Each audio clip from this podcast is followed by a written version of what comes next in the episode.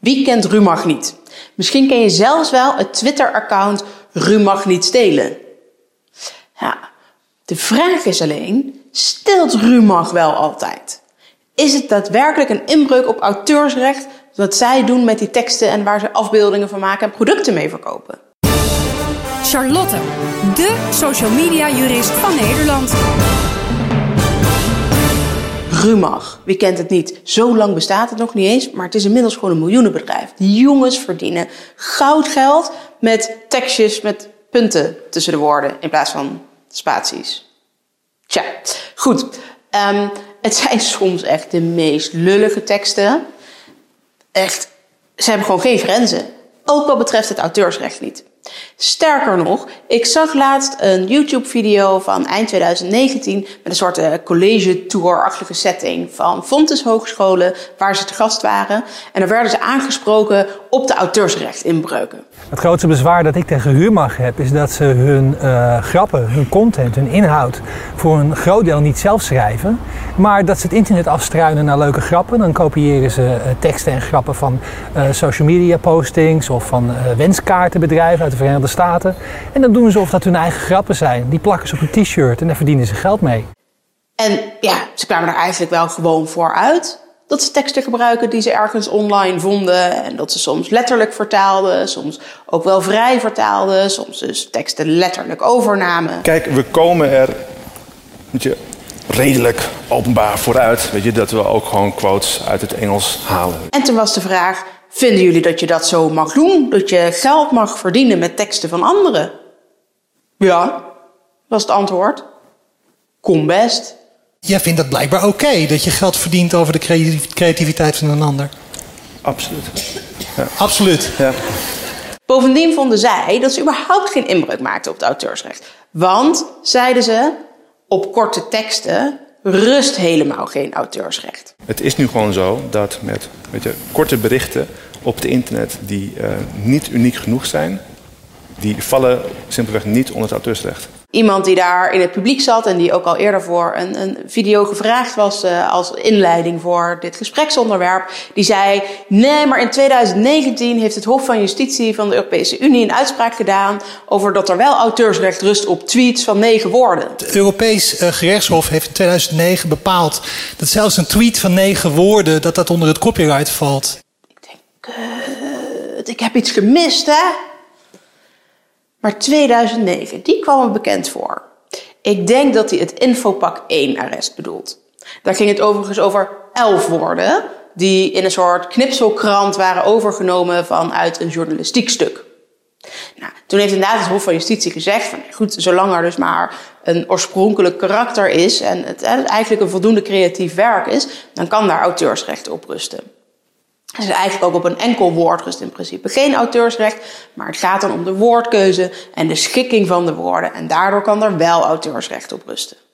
Nou, moet het natuurlijk alsnog niet te banaal en triviaal zijn, wat we nog kennen uit het arrest van de Enstra-tapes van de Hoge Raad, um, waarbij het gaat om te normaal Nederlandse zinnen waar geen auteursrecht op rust.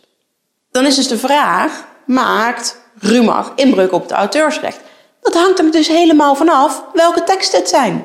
Je kunt dus helemaal niet zeggen dat als Rumach iets letterlijk heeft overgenomen, dat het per definitie een inbreuk op auteursrecht is. Want als op die oorspronkelijke tekst überhaupt geen auteursrecht rustte, kan het dus ook geen inbreuk zijn. Laten we wel wezen. Er zijn genoeg van die leuke korte tekstjes die zo uniek, grappig, vindingrijk waren, dat daar misschien best wel auteursrecht op rust. En ja, dan maakt Rumach dus inderdaad inbreuk op het auteursrecht. Daar kan dus gewoon schadevergoeding voor gevorderd worden. In dit geval is dan misschien wel slimmer om iets te doen met winstafdracht, denk ik. Gokje. Anders krijg je misschien maar hè, 42 cent per woord. Zit je dan met die 10 woorden, 15 woorden, verdien je dus geen zak op. Doe dan dus die winstafdracht maar. Dan hou je er misschien ook wat geld aan over. Een van de voorbeelden die ze wel hadden in um, dat, die college tour setting was bijvoorbeeld een t-shirt dat Rumach verkocht met wijnen, wijnen, wijnen. Nou, waar kennen we dat van? Van Chateau Meiland natuurlijk. Uh, Chateau Meiland. Het geweldige programma met, uh, met ja. Martien. Drie keer wijnen. Uh, drie keer wijnen, inderdaad. Ja. inderdaad, grijs gebied. Weet je, als je wijnen, wijnen, wijnen zegt, denk je aan Martien van Chateau Meiland. Wat zij gewoon goed hebben gedaan is... Zij hebben, hij heeft een statement, hij heeft een zinnetje, hij heeft een quote. En het was, uh, het is half twaalf, wij gaan wijnen, wijnen, wijnen. Die complete zin hebben ze vastgelegd bij het BOIP. Dus je weet het Benelux uh, Intellectueel Eigendom uh, Bureau, something, something. Uh, dus die complete zin, weet je, de quote, kan je dat gewoon niet gebruiken, blijven we vanaf.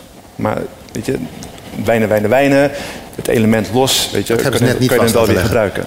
Op het woord wijnen, dus natuurlijk geen auteursrechten. Wijnen, hè, van wijntjes, meerdere wijnen, één wijn, twee wijnen. Eh, nou ja, daar hebben ze dan een werkwoord van gemaakt. Goed.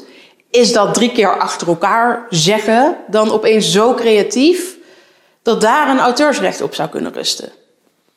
Ik vind hem eh, dunnetjes. Dus ik denk dat die t-shirts best gewoon verkocht mogen worden. Kortom, ik snap best dat jullie het misschien niet zo eerlijk vinden wat Rumach doet. Dat je zegt, je gebruikt een tekst van een ander, waar iemand anders eigenlijk creatief mee heeft geprobeerd te zijn, op zijn minst. Het zijn over het algemeen natuurlijk succesvolle tweets geweest of succesvolle social media posts geweest, want anders worden ze eigenlijk niet door Rumach opgepakt. Nou, zij zetten dat dan in hun eigen vormgeving en gebruiken dat, maar zonder zelfs maar credits te geven. Laat staan dat ze dus een vergoeding betalen. Kunnen we dus misschien niet zo eerlijk vinden, maar het is niet altijd, in elk geval niet per definitie, ook een inbreuk op auteursrecht. Ik zou vooral zeggen, als je vindt dat het allemaal niet kan wat ze doen, um, koop de producten niet. En geef ze juist niet extra aandacht. Nou, mocht jij nou ook vragen hebben over het gebruik van teksten van anderen, afbeeldingen van anderen, whatever je wil gebruiken van een ander. Voor je eigen producten of voor bijvoorbeeld je eigen video's, podcasts, teksten.